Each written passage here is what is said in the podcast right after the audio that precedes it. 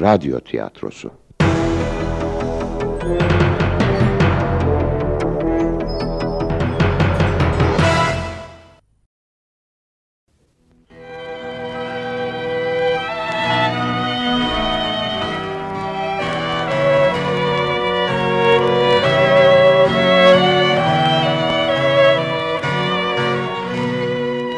Akdeniz Güneşi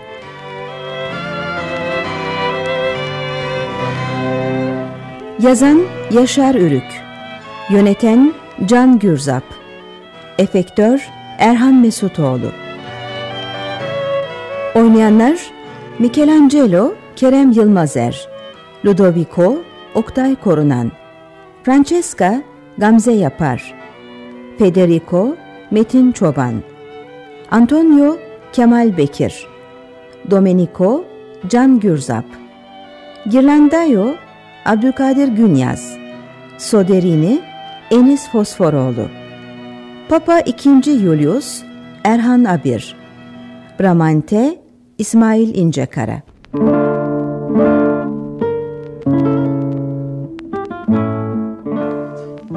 Ben Michelangelo. Bu parlak Akdeniz güneşine gözlerimi açalı uzun yıllar oluyor.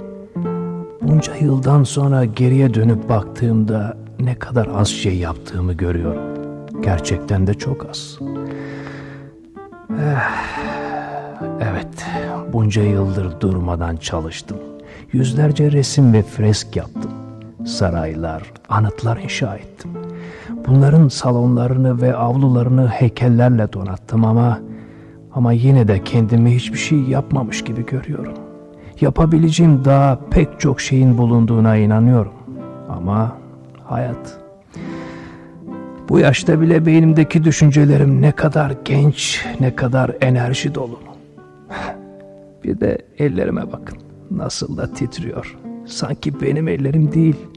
Sanki sonradan takılmışlar. Yabancı birinin elleri gibi. İşte bu eller artık düşüncelerimi dinlemiyor. Fırça darbelerinde aradığım hareketi bulamıyorum. Bu yaşımda yalnızca mimarlık yapmayı değil, yeniden eskisi gibi resim yapmayı öylesine isterdim ki. Ama olmuyor işte. Ee, dedim ya bu Akdeniz güneşi çok parlak. Böylesine yakıcı bir güneş benim yaşımda biri için çok fazla. Çocuklar ve yaşlılara göre değil. Acaba babam da ben çocukken güneşten böylesine rahatsız oluyor muydu?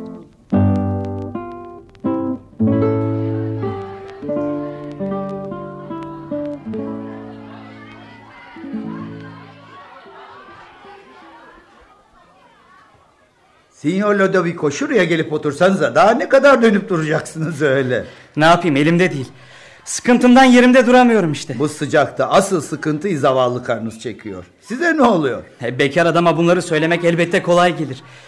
Sen nereden bileceksin bunları? Doğru ben evli değilim böyle şeylerden anlamam ama burada Antonio da var. Üstelik sizin gibi ilk defa baba olmuyor. Tam altı tane çocuğu var. Öyle değil mi Antonio? Evet evet tam altı tane hem de boy boy. Ha bizimkinin tahmini doğruysa yedincisi de yoldayım. Duydunuz mu? Adamın yedinci çocuğu olacak ama yerinden bile kıpırdamıyor. o kadar çok çocuktan sonra oynayacak hali yok ya. Elbette oturduğu yerde mıhlanıp kalacak. Siz ne diyorsunuz Antonio? E, aslında Sayın Belediye Başkanı haklı. Ben de ilk çocuğum doğduğunda biraz heyecanlanmıştım ama sonra alıştım. Yedinciyi duyunca heyecanlanmadım bile. Olduğunuz yere mıhlanıp kalmışsınızdır da ondan. Neden bu kadar çok çocuk yaptınız Antonio?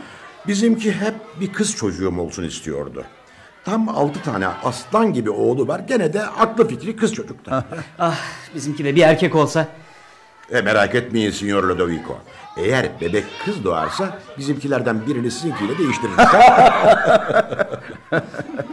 Acaba içeride neler oluyor? İsterseniz hep birlikte gidip soralım. He, olmaz ki. Mahallede ne kadar kadın varsa hepsi bizim evde.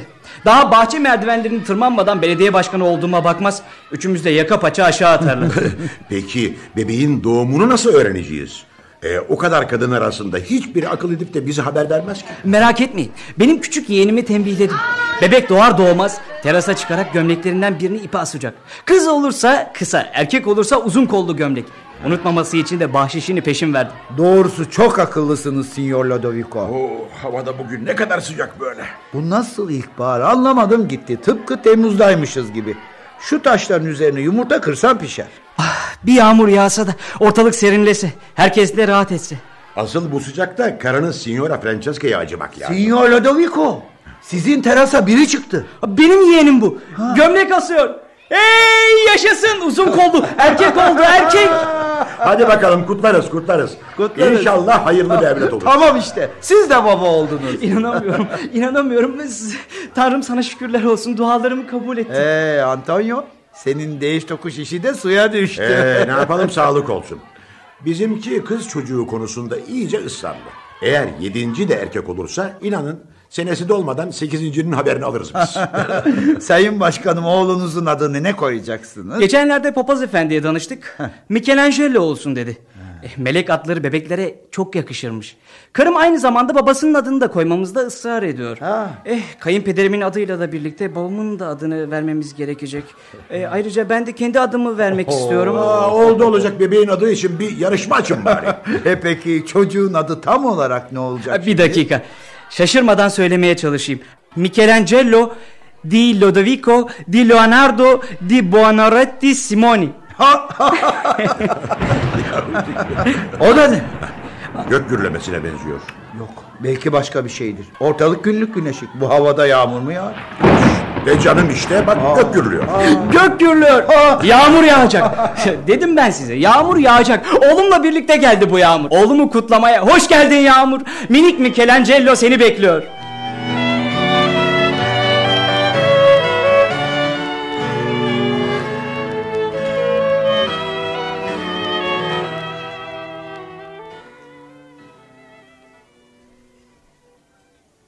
Francesca hayatım oğlumuz nasıl bugün? Biraz rahatsız. Neden? Hasta mı? Hemen bir doktora haber verelim. Rahatsızlığının herhangi bir hastalıkla ilgisi yok Lodovico.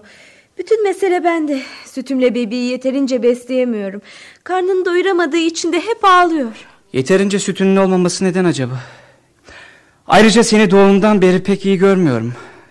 Bilmediğin bir mutsuzluğun mu var? Yok hayır yok. Özellikle Floransa'ya döndüğümüzden bu yana moralim de çok iyi. Ama bünyem eskiden beri zayıftır.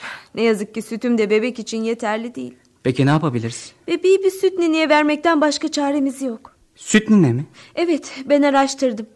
Settignano'da bize uygun bir kadın varmış. Kimmiş bu kadın? Kocası ocaklarda taş yontuyormuş. Fakir ama temiz namuslu insanlarmış. Bir anne olarak böyle bir karara varmak beni kahrediyor. Ama bebeğimin sağlıklı büyümesi için buna mecburum. Nasıl olsa geçici bir ayrılık diye kendimi teselli ediyorum. Madem doğrusu bu dediğin gibi olsun. Ben yarın Settignano'ya gider bu insanlarla konuşurum. Ludovico, oğlumuz sütten kesilir kesilmez yanımıza alırız değil mi? Elbette can. Elbette.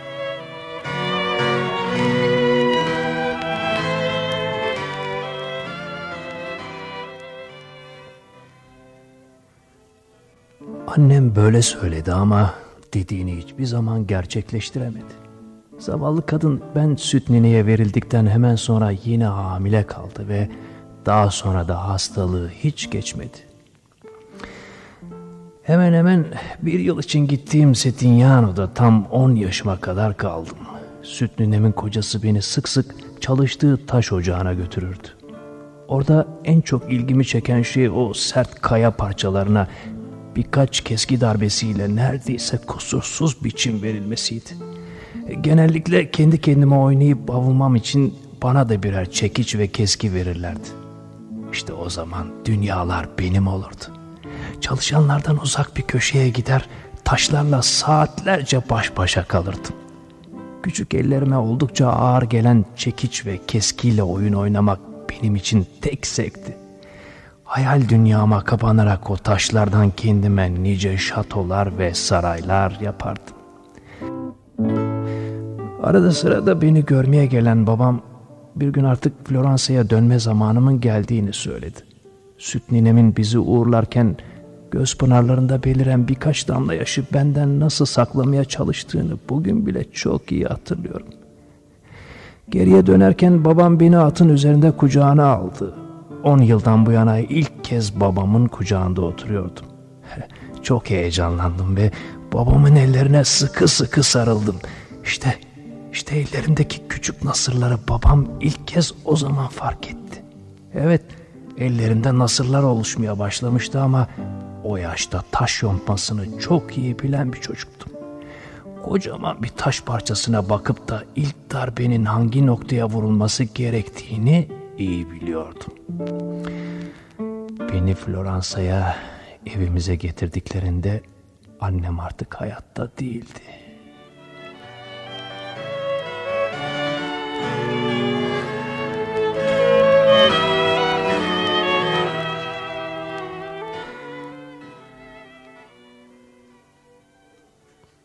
Signor Domenico, beni görmek istemişsiniz. Evet Signor Lodovico. Sizinle oğlunuz Michelangelo hakkında konuşmak istiyorum. Buyurun, sizi dinliyorum. Üç yıldır oğlunuzun özel öğretmenliğini yapıyorum. Bugüne kadar Floransa'nın hemen bütün soylu ailelerinin çocuklarını eğittim ve başarılı olduğumu da gördüm. Ama aynı sonuca maalesef Michelangelo'da ulaşamadım. Bu nedenle görevimden affımı diliyorum. Signor Domenico, sizin nasıl değerli bir eğitimci olduğunuzu çok iyi biliyorum. Zaten oğlumun özel öğretmenliğini yapmanızı da bunun için istedim. Buna rağmen üç yıllık bir uğraşınızın sonunda bana başarılı olamadığınızı ve görevinizi bırakmak istediğinizi söylüyorsunuz. Bunun ardında yatan nedenleri açıklayarak beni aydınlatın lütfen. Michelangelo çok zeki bir çocuk. Sağlığı da yerinde. Ama bazı şeyler öğrenmek istemiyor ve bence bunu bilerek yapıyor. Tam üç yıl çaba harcamama rağmen ona ancak okuma yazmayı öğretebildim. Bunun yanı sıra Latince ve Grekçe öğretmeyi ne yazık ki kesinlikle başaramadım. Sözünü ettiğiniz eğitime direnmenin nedeni sizce ne olabilir? Sanırım 10 yaşına kadar bu evden uzak kalmasının payı çok büyük Signor Lodovico. Üç yıldan beridir de burada çok farklı ve yeni bir çevre içinde. Üstelik bu çevre onun Settignano'daki çocuk dünyasının çok dışında. Bence uyumsuzluk belirtisi bu. Oğlumun 10 yaşına kadar geçen hayatının bir kayıp olduğunu kabul ediyorum Signor Domenico. Üstelik bunda benim ihmalimin payını da inkar edecek değilim. Onun doğumunda yaşadığım sevinci hala unutmam mümkün değil. Ama annesinin doğumdan hemen sonra hastalanması Michelangelo'dan zorunlu olarak ayrılmamıza neden oldu. Ardından gelen kaybımızla da onu 10 yaşına kadar Floransa'ya getiremedik. Bu hiç kimsenin arzulamadığı bir talihsizlik zinciriydi. Bu açıdan baktığımızda Michelangelo'nun tepkisine hak vermiyor değilim. O halde benim görevi bırakma dileğimi anlayışla karşılayacağınızı umarım. Ancak bütün bunlar onun öğrenimi reddetmesini gerektirmez. O Floransa'nın en seçkin ailelerinden birine mensup. Bu nedenle de eğitimini mutlaka tamamlamalı. Sinyor teklifim onun eğitimine devam etmenizdir. Bunun karşılığı olarak da benden dilediğinizi alabilirsiniz. Cömertliğinizin boyutlarını iyi bilirim Signor Lodovico. Ama para verilen emeğin yerine ulaştığı oranda hak edilmiş olur. Belki fazla idealist ama ben böyle düşünüyorum. Bu nedenle bana ısrar etmeyin lütfen. Ama Signor Domenico, Floransa'da bu işi en iyi siz biliyorsunuz. Siz de reddettikten sonra kimi bulabilirim? Hayatta bazı şeyler zorlamayla olmaz. Eğitimde de bu böyledir. Madem direniyor o zaman bunun yerine istediği, sevdiği işi yapmasına yardımcı olalım. Ne gibi? Michelangelo sürekli olarak eskiz çiziyor ve resim yapıyor. Üstelik bana göre çizdikleri hiç de fena şeyler değil. Yani çocuğun eğitimini henüz bu yaşta keselim ve onu ressam mı yapalım diyorsunuz? Ben sadece eğilimlerinden söz ediyorum Signor Lodovico. Zorlamayla öğreteceğimiz birkaç latince söz yerine içinden gelerek ve severek yaptığı bir becerisini geliştirmek... ...onu önce huzurlu sonra da toplum içinde başarılı bir insan yapabilir. Ondaki bu çizim yeteneğini hiç bilmiyordum. Sizin ağzınızdan duyunca da çok şaşırdım. Bunda şaşıracak bir şey yok Signor. Genellikle herkes yakın çevresindekilerin niteliklerini geç fark eder. Önemli olan şimdiden sonrası için en uygun olanı bulmaktır. Anlıyorum. Peki sizce ne yapmalı? Bir resim öğretmeni mi tutmalıyım? Sanat eğitimi sıradan sanatçılarla olmaz Signor Lodovico. En iyisini bulmak şarttır. Öneriniz nedir? Komşularınız olan Granacci'lerin küçük oğlu Francesco, oğlunuz Michelangelo'nun en iyi arkadaşı. Çok da iyi anlaştıklarını defalarca gördüm. Evet, e, bunun ben de farkındayım. Bildiğim kadarıyla Francesco 5-6 aydan bu yana Üstad Domenico Ghirlandaio'nun atölyesinde çırak olarak çalışıyor. Michelangelo'yu da oraya gönderebiliriz. Evet, Ghirlandaio iyi bir ustadır. Olabilir.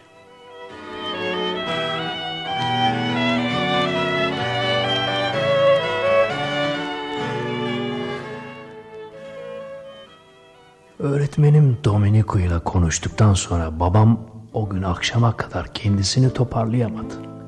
Adeta dünyası başına yıkılmıştı. Ona göre benim resim yapmaya değil, Latince öğrenmeye ihtiyacım vardı. Sanattan pek anlamayan ve sanatçılığı basit bir iş olarak gören babam uzunca bir zaman öğretmenim Domenico'ya verdiği sözü yerine getirmedi. Hatta bir ara benim arkadaşım Francesco ile görüşmemi bile istemedi. Ama ben de bir anlamda delikanlılığa girmek üzereydim. Ne olursa olsun bir baba o yaşlardaki oğlunun yüzündeki istek ve kararlılığı mutlaka anlar. Babam da anladı ve o yıl doğum günümde bana Girlandaio Usta'nın atölyesine çırak olarak kabul edildiğimi müjdeledi.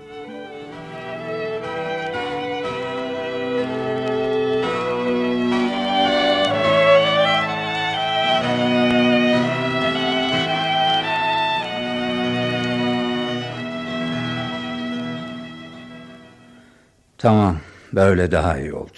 Michelangelo, en az iki saattir neden orada hiç sesini çıkarmadan oturuyorsun? Sizi izliyorum Girlandaio Usta. İzlediğin nedir ki? Fırça darbeleriniz sinyor. Hmm. Fırça ile tuvalin sizin elinizde buluşmasını izliyordum. Peki ne gördün bu buluşmada bakalım? Tekniğe dayalı bir ustalık. Fırçadan oldukça güzel çizgiler çıkıyor. Hmm, yalnız sözlerinde küçümseyen bir anlam sezer gibiyim. Ah, asla. Böyle bir saygısızlıkta bulunmayı hiçbir zaman düşünmem. Peki nedir öyleyse? Siz şu anda Floransa'nın en iyi ustasısınız. Yaptığınız resimler çok beğeniliyor ama benim idealimdeki resim bu değil. Sizden çok şey öğreniyorum ama bağışlayacağınızı umarak söylüyorum. Sizin resminiz benim için ulaşılacak son nokta değil. Ha, yani bu sanatta beni geçeceğini mi iddia ediyorsun? Böyle bir iddiada bulunmuyorum. Yalnızca düşüncemi anlatmaya çalışıyorum. Ayrıca öğrencinizin gelecekte iyi bir sanatçı olması sizi de gururlandırır sanırım. Hmm, elbette, elbette gururlandırır. Ancak şimdi söyle bakalım. Benim resmimde sana hitap etmeyen ne var? Bence insanların hoşlanacağı türden resim yapıyorsunuz. Mü iyi ya. Amaç da insanların zevk alması değil midir zaten? Usta bağışlayın ama bence bu söylediğiniz gündelik hoşlanma. Yani geçici bir beğeni. Dolayısıyla yaptığınız resimler geleceğe kalmayabilir. Neye dayanarak sen böyle bir karar veriyorsun bakayım? Bence yaptığınız resimler kolay şeyler. Her yerde rastlanabilecek eserler. Değişik olan ya da yeni bir soluk getireni yok. Ya, ne dediğinin farkında mısın sen? Sizi kızdırmak istemem efendim. Ben yalnızca sorduklarınıza cevap verdim. Bu atölyeye gireli üç yıl oldu. Üç yılda büyük gelişme gösterdin. Ayrıca yeteneğini de inkar etmem haksızlık olur. Ama sana ben de çok emek verdim. Kendin usta olmadan her şeyi öğrendiğin ustanı böyle acımasızca eleştiremezsin. E, düşüncelerimi açıkça söyleme fırsatını siz verdiniz. Ama görüyorum ki söylediklerimle sizi fazlasıyla üzdüm. Beni bağışlayın ve sözlerimin üzerinde fazla durmayın lütfen. Pekala Michelangelo. Seni bağışlıyorum. Burada söylediklerini bir usta ile öğrencisi arasındaki sohbet olarak hatırlayacağım. İzin verirseniz eve gitmek istiyorum. Pekala gidebilirsin. Hey Michelangelo. Yarın erken gel. Yeni kilisenin freskleri için eskiz çizeceğiz.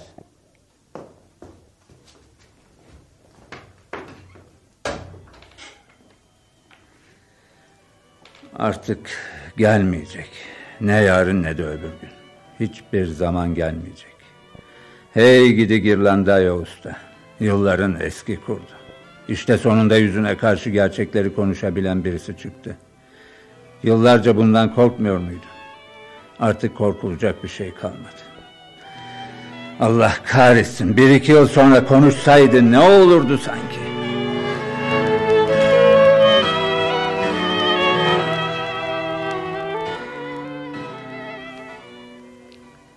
Demek böyle mi Michelangelo? Evet baba. Hata olduğunu bile bile konuşmamam gerekiyordu ama kendimi tutamadım. Girlandayo Usta'da beğenmediğin nedir? O şu anda moda olanı ya da başka bir deyişle kolay olanı çiziyor. Peki sen ne yapmak istiyorsun? Ben kolay olanı değil, kusursuz olanı yapmak istiyorum baba. Tıpkı Giotto, Masaccio ya da Donatello'nun yaptıkları gibi. Kaç kez Signor Medici'nin koleksiyonundaki antik heykelleri inceledim. Güzel insan vücudunu, hareket halindeki tüm kasları ve sinirleri adeta sihirli bir el değmişçesine mermere oyan o eski ustaların sırlarını ermeye çalıştım. Ben de işte o kusursuzluğu yakalamak istiyorum.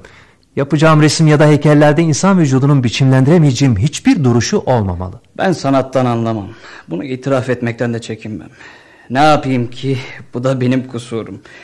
Söylediklerine ilgi duyuyorum ama işin tekniği açısından sana söyleyebileceğim sözüm de yok. Ama görüyorum ki güç olan şeylere özellikle ilgi duyuyorsun. Adeta seni çekiyorlar. Sanatta tutkuyu her zaman güçlükler kamçılar baba. Ne yapacaksın o halde?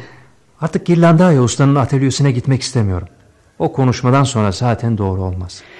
Neyse olan olmuş. Dedim ya ben bu işlerden anlamıyorum. Sen doğru bildiğin neyse onu yap. Teşekkür ederim. Bu arada şunu da söylemek istiyorum. Her ne kadar sanattan anlamıyorum dediysem de her zaman desteklediğimi bilmeni istiyorum. Beni hep yanında bile ol.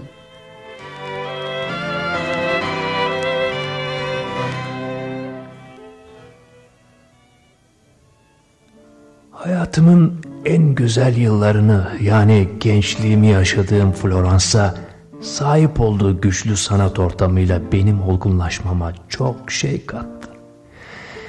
Yıllar bir akarsu hızıyla geçip 30 yaşıma geldiğimde artık ben de büyük bir usta kabul ediliyordum. Bazıları ise sanat gücümü Leonardo Usta ile karşılaştırıyorlardı. Hey gidi koca Leonardo hey. O da Floransa'nın o büyülü sanat ortamından yetişmişti. Tartışmasız çağın en büyüğüydü ve onunla kıyaslanmam doğrusu bana gurur veriyordu. Gerçi Leonardo Usta o yıllarda 60 yaşını geçmişti. Bir gün kader ikimizi hiç olmadık bir işte adeta iki yarışmacı gibi karşı karşıya getirdi.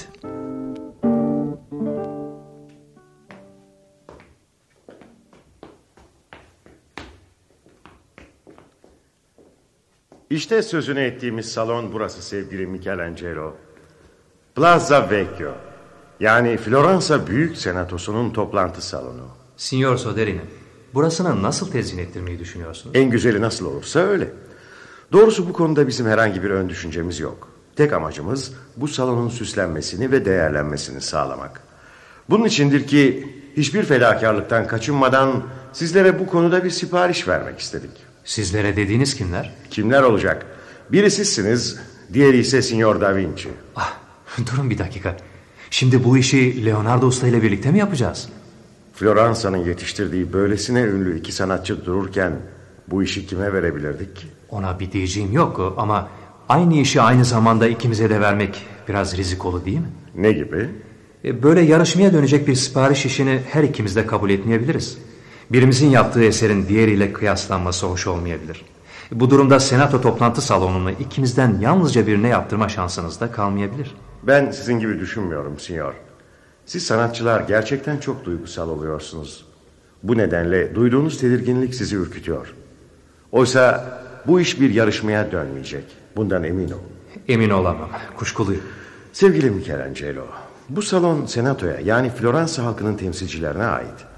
Siz de Signor Da Vinci ile birlikte Floransa'nın yetiştirdiği çok büyük iki sanatçısınız.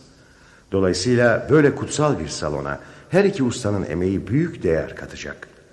İnanın Floransalılar bunun dedikodusunu yapmak yerine gururunu duyacaklar. Signor Soderini, genellikle karar vereceğim anlarda fazla düşünmem ama bu kez karara varmak çok zor.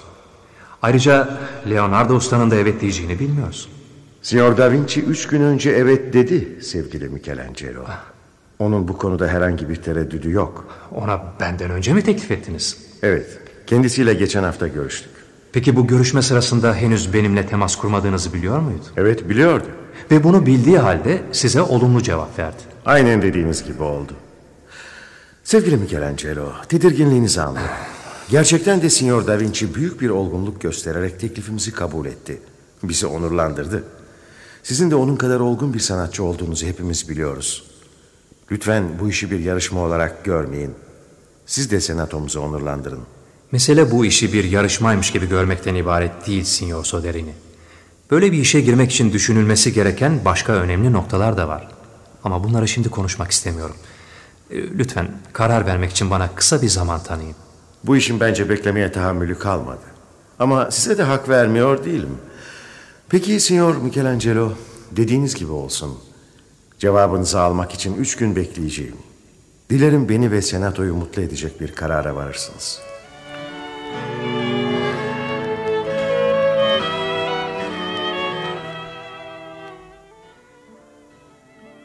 Bu görüşmeden tam bir hafta sonra Palazzo Vecchio'nun duvarlarından birinde çalışmaya başlamıştım.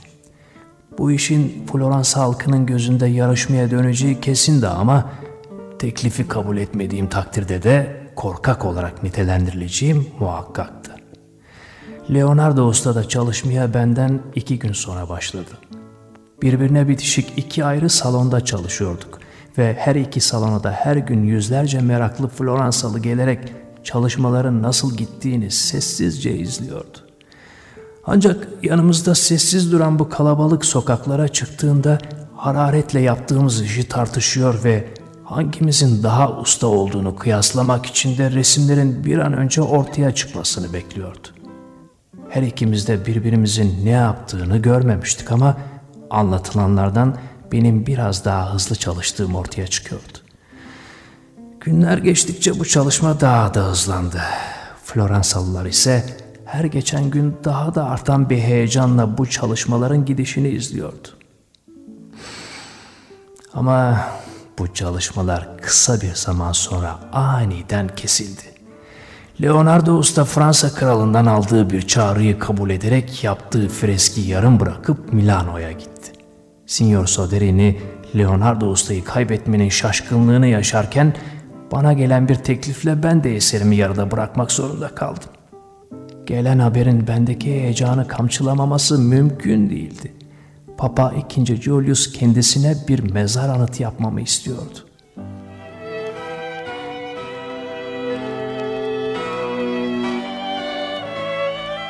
Sizin ününüzü ve yeteneğinizi yıllardır duyuyoruz Michelangelo. Hemen herkes ödüllere layık bir sanatçı olduğunuzu söylüyor. Saygıdeğer efendim. Sizin övgünüze mazhar olmak benim için birçok ödülden daha değerlidir. Vekil Harcım anıtla ilgili proje çalışmanızı tamamladığınızı haber verdi. Evet efendim, tamamladım. O zaman anlatın bana eserinizi. Anlatın ve benim heyecanımı daha da arttırın. Bu anıtın yalnızca benim ebediyete kadar içinde yatacağım bir mezar değil, aynı zamanda bütün romanın görkemi olmasını istiyorum. Efendim, proje ile ilgili çizimleri de bilginize sunmak için getirdim. İzin verirseniz göstermek istiyorum. Görelim bakalım.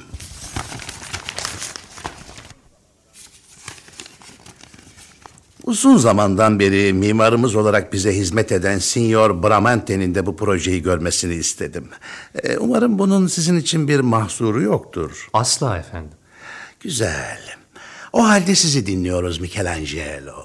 Anlatın ve eserinizin heyecanına bizi de ortak edin. Saygıdeğer efendim. Bu proje mabet içinde mabet olacak kadar büyük. Eski Roma imparatorlarından Hadrianus ya da Augustus'un mezarlarıyla kıyaslanabilecek ölçülerde dev bir anıt mezardır. E, ben bu projede mimari ile plastiğin birleştiği bir eser tasarladım. Bakın efendim, e, bu ön yüzün görünüşü. Ah, çok görkemli. Öyle değil mi Bramante? Öyle efendimiz. Devam edin Michelangelo. Efendim, e, mezar şu noktada bulunacak fakat duvara yaslanmayıp kendi başına duracak. Hmm, çok ilginç. Üç kat üzerinde yükselecek olan yapının ön yüzünü 40 tane heykelle birçok rölyef süsleyecek. Ee, peki şu alt katta görülen çıplak fakat her yanından bağlanmış erkek heykelleri nedir? Onlar sanatın bağımsızlığını ve özgürlüğünü temsil ediyorlar efendim. Efendimiz, Signor Michelangelo'ya sormak isterim. Kendisi ülkemizdeki sanatı bu heykeller gibi bağlanmış olarak mı görüyor? Evet, ilginç bir soru. Bunu açıklar mısınız? Saygıdeğer efendim. Ben sanatçıyım ve eserimi de özgürce yaratırım. Bu kompozisyonu da kendi özgür düşüncemin fantazisi olarak tasarladım. Signor Bramente'ye şunu söylemek isterim ki sanat yalnız İtalya'da yapılmıyor. Sanat tüm insanlığa hizmet eder ve her yerde vardır. Bizim ülkemizde şu an için olmasa da başka yerlerde her zaman bazı insanlar çıkıp sanatın özgür düşüncesini bu tasarımdaki gibi bağlamaya çalışırlar. İşte ben bunu anlatmaya çalıştım. Umarım bu açıklamamda Signor Bramante'nin beklediği cevabı vermişimdir. Ne diyorsun Bramante? Doğrusunu söylemek gerekirse bu açıklama yeterli değil. Sanat bütün dünyaya hizmet edebilir. Ama burası İtalya, bizim ülkemiz. Ve bu eser İtalyan insanının her an gözünün önünde ve çok saygın bir insanın mezarında yer alacak. 20-30 yıl sonra anıtı ziyaret edenler bu kompozisyona bakıp sizin sanatı baskı altına alan bir insan olduğunuz yorumunu yapacaklar. Çünkü o anıt mezar size ait ve sizin ardınızda bırakacağınız en büyük eser olacağını söylüyorsunuz. Ne dersiniz Michelangelo? Signor Bramante'nin dedikleri gerçekleşecek mi? Kesinlikle hayır efendim. Siz sanatı zincirleyen bir insan olsanız bu kompozisyona zaten izin vermezsiniz. Dolayısıyla insanlar kendi anıtında bu hoşgörüyü gösteren bir kimse hakkında asla Signor Bramante'nin dediği gibi düşünmezler. Evet, doğru bir mantık. Eserinizi savunmanızı beğendim Michelangelo. Bu kompozisyon aynen kalacak. Devam etmenizi istiyorum. Efendim, e, ikinci katta çok büyük boyutlarda dört heykel olacak. Bunlardan ikisi Musa peygamberle Aziz Paulus'a ait. Diğer ikisi ise sürüp giden hayatla ölümsüz ruhu anlatacaklar. Bütün bunların üzerinde de tunçtan bir rölyef ile bir friz bulunacak ve hepsinin üstüne oturtulmuş olan lahit yer ve gök tanrıları tarafından taşınacaktır. İşte efendim hepsi bu. Gerçekten muhteşem. Görenlerin soluğu kesilecek. Tam istediğim gibi. Signor Michelangelo, projenizi çok beğendim. İnşaat için hemen çalışmalara başlayın. Bunun için ne istiyorsanız size verilecektir. Efendim her şeyden önce uygun büyüklükte mermerlerin temin edilmesi gerekiyor. Bunu Roma çevresindeki mermer ocaklarından çıkarmak mümkün değil. İzin verirseniz Carrara'daki mermer yataklarına gitmek istiyorum. En uygun malzemeyi ancak orada bulabilirim. Hmm, bu mermer işi ne kadar sürer? En az bir iki ay. Üstelik onca mermerin deniz yoluyla Roma'ya getirilmesi de var. Peki, dediğiniz gibi olsun. Size izin veriyorum. Ee, yola çıkmadan önce istediğiniz ne varsa temin edilecektir. Artık gidebilirsiniz. Tanrı sizi korusun efendim. Sizi de oğlum. Yolunuz açık olsun. Bramante, yüzündeki ifadeye bakılırsa durumdan memnun değilsin. Ben kaç yıldır hizmetinizde çalışıyorum. Sizin adınıza nice eserler yaptım. Bu geride bırakacağınız en büyük eser olacak. Bu görevi de bana verebilirdiniz. Evet, e, çok şeyler yaptın. İyi bir mimarsın ama o senden daha iyi. Bence herkesten de iyi. Elindeki proje seni aşar. Öyle bir anıtı gerçekleştirmek bir yana bence düşünemezsin bile. Bu senin kusurun değil. O çok büyük bir sanatçı.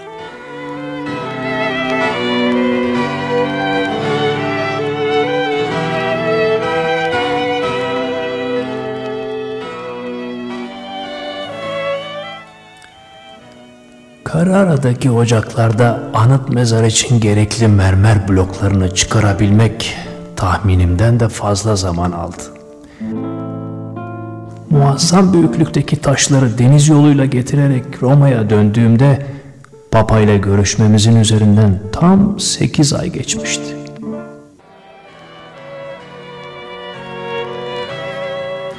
Sevgili Bramante, dışarıdan gelen uğultuyu duyuyorsun değil mi? Evet efendim, duyuyorum. Bütün bu insanlar akın akın Michelangelo'nun eseri için getirdiği mermerleri görmeye geliyorlar. Onları sen de gördün değil mi? Evet, gördüm. Bahse girelim ki öylesine büyük mermer blokları kimse görmemiştir. Michelangelo sözünü tutuyor. Bu anıt mezar görenlerin bile inanamayacağı kadar muhteşem olacak. Halikarnas mozaryumunu da kıskandıracak kadar muhteşem. Belki de anıt mezarlara benden sonra mozolyum yerine Culusium adı verilecek.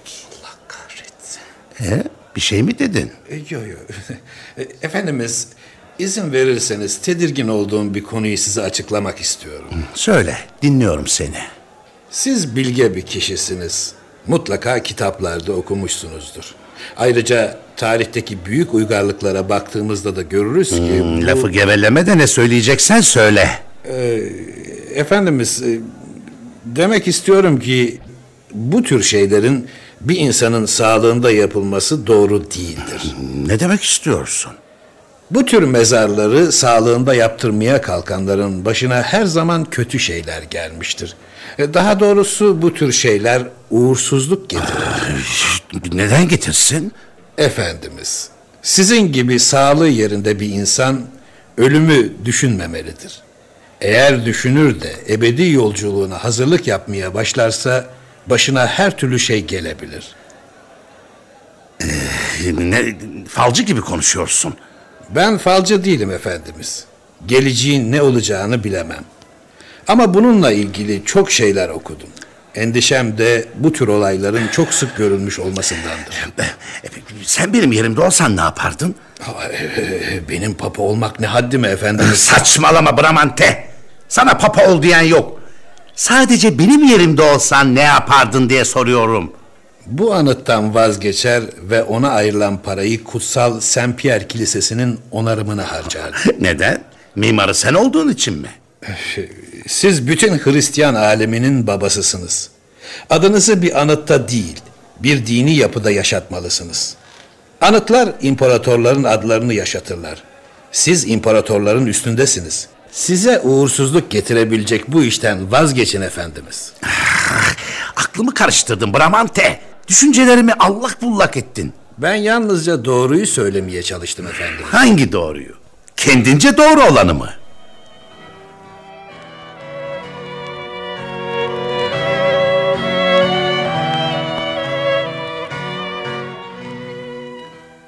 Muhterem efendim, uzun zamandır sizinle görüşmeye çalıştıysam da başaramadım. Bugün Roma'dan ayrılıyorum. Bu nedenle ayrılmadan önce son iş olarak size bu mektubu yazmaya karar verdim. Floransa'ya, evime dönüyorum. Bu kararı vermeden önce çok direndim ama sonuçta başka çıkar yol bulamadım. Bir müddettir Romalıların ağzında bir dedikodu var. Sizin uğursuzluk getirici düşüncesiyle sağlığınızda mezar yaptırtmaktan vazgeçtiğiniz anlatılıyor. Bunun ne derece doğru olduğunu bilemiyorum. Ancak Signor Bramente'nin mimarı olduğu kilisenin yeniden inşasına ayrılan ödeneğin önemli ölçüde artırılmış olması bu dedikoduların doğruluğunu güçlendiriyor.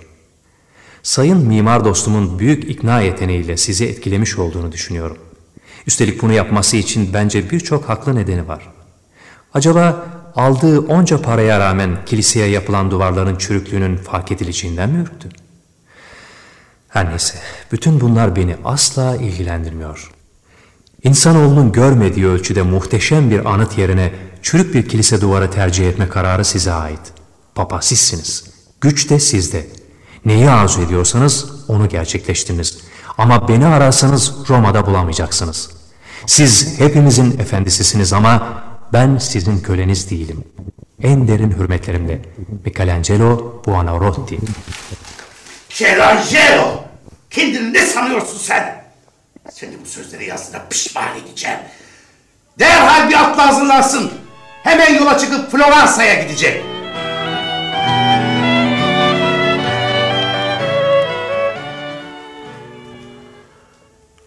Bana göre o mektubu hiç yazmamalıydınız Michelangelo.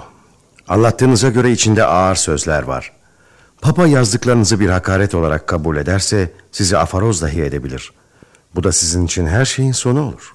Haklısınız ama Roma'da halkın ağzında çalkalanan dedikodulara daha fazla dayanacak gücüm kalmamıştı. Yine de Papa ile görüşmeye çalışmalıydınız. Denemedim mi sanıyorsunuz? Hem de kaç kere. Ama her defasında bir bahane bulup beni kendisiyle görüştürmediler.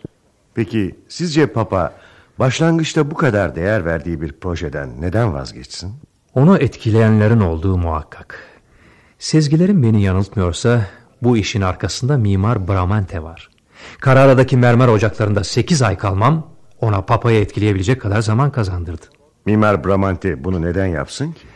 Korku Signor Soderini, korku şimdiye kadar insanlara neler yaptırmamıştır ki? Bramante anıt mezarın çürük olarak inşa ettiği kilisenin yanına yapılacağını öğrenince paniğe kapıldı. Yaptığı hileli işin ortaya çıkacağından korktu. Ama Bramante'nin bütün kötü benzerleri gibi unuttuğu bir gerçek var. Sanat dediğimiz koskoca yapı içinde bir tane bile çürük ya da sahte yapı taşı kabul etmez. Onu hemen ortaya çıkartarak içinden atmaya ya da ayıklamaya çalışır. Umarım haklısındır sevgili Michelangelo. Yoksa Papa'nın öfkesinden kurtulman çok güç olur. Merak etmeyin Signor Soderini. Bunun farkındayım. Dua edelim de yazdığınız mektubu rahat bir anında okumuş olsun. Aslında hemen arkanızdan adam bile gönderebilirdi. Gönderdi bile. Nasıl? Ben Roma'dan ayrıldıktan hemen sonra ardımdan silahlı bir atlı çıkarmış. Adam bana Poggibonsi köyü civarında yetişti ve Papa'nın hemen Roma'ya dönmemi istediğini söyledi. Ben reddedince işi tehdide kadar götürdü. Ama ben adamın söylediklerini reddederek Roma'ya ancak Papa yükümlülüklerini yerine getirirse dönebileceğimi bildirdim. Adam da çaresiz geriye dönmek zorunda kaldı. Papa bu adamı hemen sizin arkanızdan gönderdiğine göre durum ciddi demektir. Canım her neyse. Hele biraz bekleyelim bakalım. Gelen günler neler gösterecek.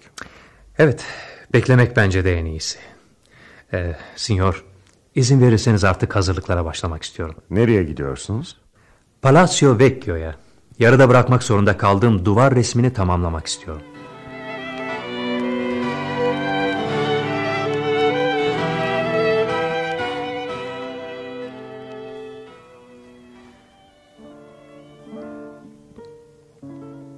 Büyük sıkıntılar yaratan Roma macerasından sonra var gücümle çalışmaya koyuldum. Bu çalışma temposuyla daha önceden yarıda bırakıp gittiğim duvar resmini hemen hemen tamamlar duruma gelmiştim. Bir yandan da Papa'nın o ana kadar neden sessiz kaldığını merak edip duruyordum. O güne kadar mutlaka harekete geçmesi gerekiyordu. Nitekim doğru düşündüğüm çok geçmeden Hakim Soderi'nin konuşmak için beni makamına çağırmasıyla ortaya çıktı.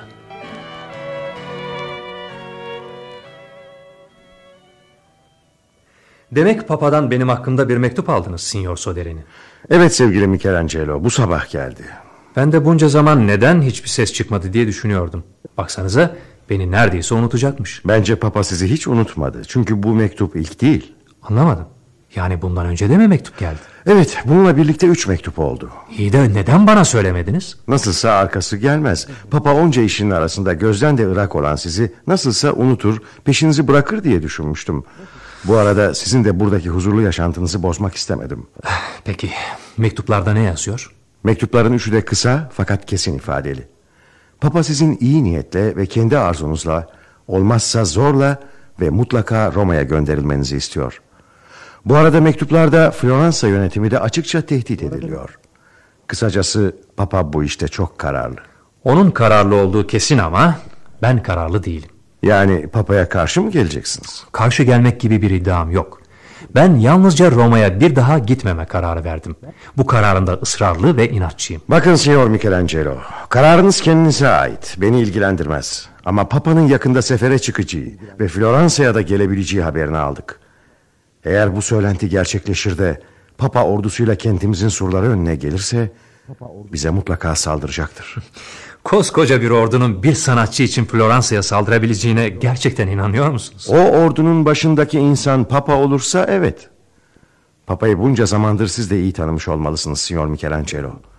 Böylesine sert mektup yazıp da isteği yerine gelmezse mutlaka acısını çıkarır. Böyle bir bedeli de Floransa halkı acı çekerek ödemek zorunda kalacak. Yani benim Roma'ya dönmemi mi istiyorsunuz? Ben sizden bir şey istemiyorum. Siz nasıl davranmak istiyorsanız onu yapın. Ama şunu da belirteyim ki Papa ordusuyla birlikte Floransa kapılarına dayanırsa biz onunla savaşı göze alamayız. Ne demek istediğinizi anlıyorum. Sonuç olarak öyle ya da böyle Papa'nın istediği olacak. Ne yazık ki güç onun elinde. Ama ben ne olursa olsun bu güce boyun eğmemeye kararlıyım Signor Soderini. Gerekirse bu toprakları terk ederim ama yine de kendimi papaya teslim ettirdim. Nereye kadar gidebilirsiniz ki? Hangi İtalyan kentine gitseniz buradan farklı olmayacak. Ben İtalya'yı değil başka yerleri. Doğuyu kastediyorum Signor. Nasıl doğuyu? İstanbul'u, Osmanlı Devleti'ni. Osmanlı Devleti'ni mi? Siz çıldırdınız mı Michelangelo? Telaşa kapılmayın elbette çıldırmadım. Bunu söylememin nedeni de birkaç gün önce Osmanlı Sultanı Beyazıt'tan bir mesaj almamdır. Sultan Beyazıt size mesaj mı gönderdi? Evet. Benden İstanbul'da bir köprü inşa etmemi istiyor. Haliç dedikleri bir yerde geniş ve rahat bir köprüye şiddetle ihtiyaçları varmış. Beni İstanbul'a davet ederek köprüyü yapmamı istiyorlar. Peki gidecek misiniz Signor Michelangelo? Henüz e, kesin bir karar veremedim ama bu konuşmamızdan sonra oraya gitmeyi ciddi olarak düşünmeye başladım. Papa ile aranızda olanlara karışmadım. Ama bence bu İstanbul işinden vazgeçin. Neden? Ben profesyonelim Signor Soderini. Sanatımı yapmama kim imkan tanırsa tezgahımı orada kurarım. Burası Müslüman bir ülke bile olsa fark etmez. Ben yalnızca kendi dinim için değil, bütün insanlık adına eser veriyorum. Düşünceleriniz uygar ve insanca. Ama böyle bir seyahati tam Papa ile aranızın açıldığı anda yapmanız... ...telafisi mümkün olmayan yanlış anlamalara yol açacak. Hatta afaroz bile edilebilirsiniz. Dediğim gibi henüz karar vermedim Sinyor. Ama gerçekten de gitmek istersem... ...bu işin sonundaki kötü ihtimalleri düşünüp kararımı asla değiştirmem. Ne derler? Suya giren ıslanır. Ben sizin gibi düşünmüyorum. Yabancı diyarlarda çalışmaktansa Papa'nın yanında ölmek daha iyi. Zaten doğrusu da bu değil mi? Elbette böyle düşüneceksiniz. Siz bir yöneticisiniz. Bazı değerlere fazla bağımlısınız. Oysa ben bir sanatçıyım. Beni kısıtlayabilecek ya da Floransa'ya hapsedebilecek hiçbir şey yok. Eğer dünya üzerinde herhangi bir yerde benim sanatımı anlıyor ve yaptığım işe değer veriyorlarsa orası benim için artık yabancı diyar değildir. Üstelik beni çağıran insan şu anda dünyanın en güçlü devletinin sultanı. Bu kadarı bile İstanbul'u görmeye yeter. Gerçekten de çok kararlı ve inatçısınız. Bilmem. Belki de inat eden sizlersiniz sinyor. Olabilir. Gerçekten de olabilir. Sonuç olarak Signor Michelangelo, size herhangi bir tavsiyede bulunmayacağım. Dilediğinizi yapmakta serbestsiniz. Anlayışınıza minnettarım Signor Severini. Papa çıkıcıyı seferde buraya gelmezse ortada bir mesele yok demektir. Ancak aksi olduğu takdirde korkarım sizi bu kadar rahat bırakamayacağız. Hepsi bu kadar sinyor. Artık Brazio Vecchio'daki freskinizin başına dönebilirsiniz.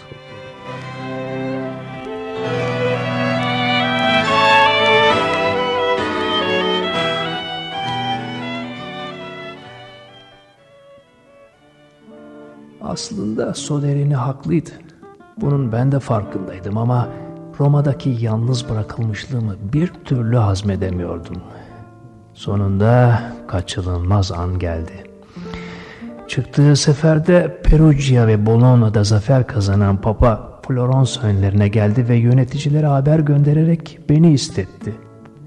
Durum bu kadar kritik bir hale alınca Hakim Soderi'nin beni gönderme isteğini reddedemez duruma gelmiştim.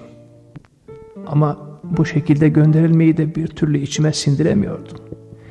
Bu nedenle oyunu yine benim kurallarıma göre oynamaya karar verdim. Bulduğum çözüme başlangıçta tüm meclis üyeleri şiddetle karşı çıktı. Benimle uzun uzun tartışmalara girdiler. Ancak sonunda dediğim oldu ve Floransa Meclisi beni papaya Floransa Cumhuriyeti sefiri olarak göndermeye karar verdi. Karşılaşma sahnesi beklediğimin aksine çok eğlenceli oldu. Çadırında beni bastonuna dayanmış olarak ayakta bekleyen papa çok öfkeliydi. İşte karşımdasın. Sen geleceğine benim sana gelmemi bekledin. Neden cevap vermiyorsun? Konuşsana. Dilini mi yuttun? Hayır efendimiz. Dilimi yutmadım. Ancak siz sözlerinizi sanatçı Michelangelo için söylüyorsunuz. Oysa ben karşınızda Floransa Cumhuriyeti sefiri olarak bulunuyorum. Bakıyorum da kolay itaat etmeyen ruhun yeniden isyana kalkmış. Mukaddes peder onu bağışlayınız. Bu insanlar sanatlarından başka bir şey bilmeyen kaba adamlardır. Bramante! Sana fikrini soran oldu mu? Kaba olan sensin. Çeneni kapat yoksa elimdeki bastonu üstünde kırarım. Ben sadece size... Sen bana hiçbir şey söyleyemezsin. Edebinle yerinde dur. Hırsımı senden almayayım. Gelelim sana isyankar ruhlu adam. Söyle bakalım. Roma'dan neden kaçtın? Ben Roma'dan kaçmadım. Sadece terk ettim. Peki dediğin gibi olsun. Kaçmadın terk ettin. Neden? Çünkü bir zamanlar benim Roma'ya gelmeme neden olan o muhteşem ideal tükenmişti. Ne demek istediğini anlıyorum. Ama yine de o mektubu yazacağına benimle konuşabilirdin. Denemedim mi sanıyorsunuz? Günlerce sizin yanınıza çıkabilmek için uğraştım. Başaramayınca da Roma'dan ayrılmaya karar verdim. O zamandan beri de Floransa'dayım. Seni yeniden Roma'ya göndermeleri için Floransa yöneticilerine üç kez mektup yazdım. İsteğimi yerine getirmedikleri gibi mektuplarıma cevap bile vermediler. Efendim bu işte Floransa'nın hiçbir günahı yok. Onlar her mektubunuzda sizin isteğinizi yerine getirmemi istediler. Demek tek başına Papa'nın emirlerine karşı gelebiliyorsun. Böyle bir hareketin sonuçlarının ne olabileceğini hiç düşündün mü? Evet efendim, düşündüm. Ama unutmayın ki ben Roma'ya daha önce sizin isteğinizle gelmiştim. Ancak o zaman benim Roma'da olmamı ve kendisinin emrinde çalışmamı isteyen bir papa vardı. Ben o papanın yanında ölesiye çalışırım. Çünkü o bir sanatçı için umut ve ideal yüklü bir destekti. Ama benim Roma'ya dönmem için mektup yazan papaya ben kırgınım. Hem de çok kırgın. Çünkü o papa artık kendi emriyle ve isteğiyle Roma'ya getirdiği sanatçısını neredeyse huzuruna bile kabul etmiyor. Bizzat sizin emirlerinizle başladığımız bir proje yine sizin ilgisizliğiniz nedeniyle durma noktasına geliyor. İşte benim anlayamadığım şey de bu. Madem gerisi gelmeyecekti, öylesine büyük çaplı ve yorucu bir işe neden başlandı? Ee, Arnavut'un çalışmalarının yavaşlamasının önemli birkaç nedeni var. E, ancak e, bunun seni bu kadar etkileyeceğini hiç düşünmemiştim. o anıt benim hayatımdaki en büyük proje. Uykumda bile rüyalarımı süsleyen bir şaheser. Onu adeta başıma takılacak bir taç gibi görüyorum. Onun yüzünden içimde fırtınalar koparken birdenbire her şeyin yavaşlamasından nasıl olur da etkilenmem? Görüyorum ki fazlasıyla üzülmüşsün. Ama şunu bilmeni isterim ki bu işin yavaşlaması benim iradem dışında gelişti. Efendim bu nasıl olur? Siz papasınız. Bütün Hristiyan aleminin önderisiniz. İradeniz dışında güç var mıdır ki başlattığınız işi yavaşlatsın? Evet dediğin doğru. Milyonlarca insan benim ağzımdan çıkacak iki söze bakıyor. Ama ben de göründüğü gibi sınırsız bir güce sahip değilim. E, Kardinaller Meclisi her istediğimi yapmıyor. Bu anıtın çalışmalarında onlar yavaşlattı. Ama nasıl olur? Oluyor işte. Kilisede bile olsa politika politikadır ve kuralları kesin ve katı bir oyundur. Sen sanatçısın. Böyle şeylerden anlayamazsın. Ama sana kısaca o anıtın yapımına kardinaller arasından muhalefet edenler olduğunu söyleyebilirim. Projeyi mi beğenmediler? Hayır, projeni beğenmeyen kimseye rastlamadım. Onlar bu işin maliyetini çok yüksek buluyorlar. Bunun yanı sıra yüzüme karşı söylemedikleri bir şey daha var ama ben onu biliyorum. Böyle muhteşem bir anıtın benim için ve benim adıma yapılmasını istemiyorlar. Yani inşaatı yarıda mı bırakacağız? Elbette bırakmayacağız. Ama şu gün için o durumda beklemesi gerekli. Ama sen yarın benimle birlikte Roma'ya döneceksin. Ne o? Neden susuyorsun? Bu fikrimi beğenmedin mi yoksa? Efendim, anıt yarıda kaldı. Beni Roma'ya cezalandırmak için mi gönderiyorsunuz? Aslına bakacak olursan Floransa'ya gelirken niyetim öyleydi.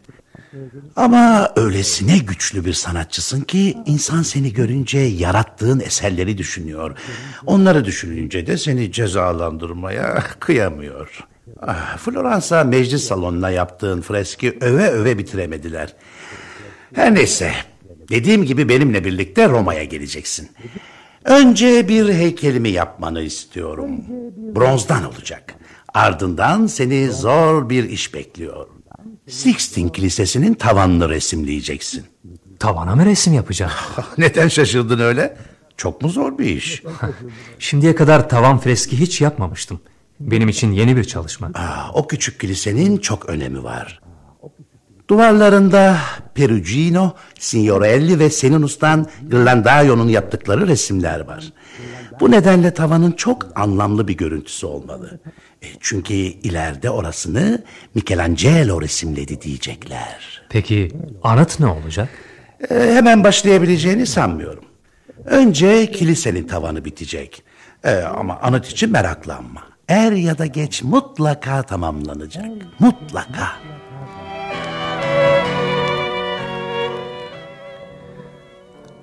Maalesef o anıt hiçbir zaman tamamlanamadı. Ben aslında ressam değilim, heykeltıraşım. Ama bana daha çok resim yaptırdılar.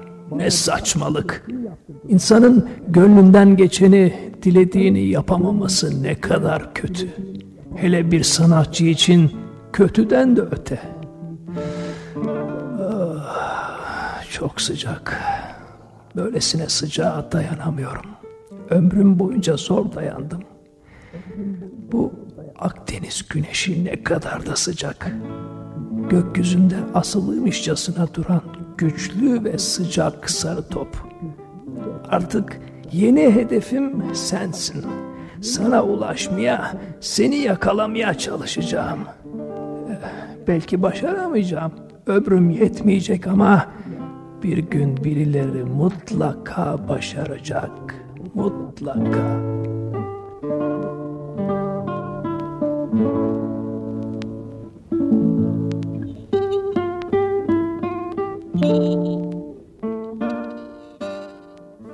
Akdeniz Güneşi adlı oyunumuzu dinlediniz.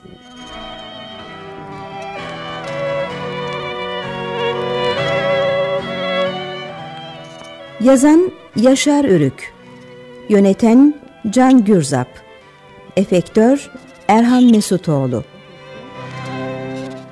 Oynayanlar Michelangelo Kerem Yılmazer. Ludovico Oktay Korunan. Francesca Gamze Yapar. Federico Metin Çoban. Antonio Kemal Bekir. Domenico Can Gürzap. Girlandayo Abdülkadir Günyaz Soderini Enis Fosforoğlu Papa II. Julius Erhan Abir Bramante İsmail İncekara Radyo tiyatrosu sona erdi. Hoşçakalın sevgili dinleyiciler.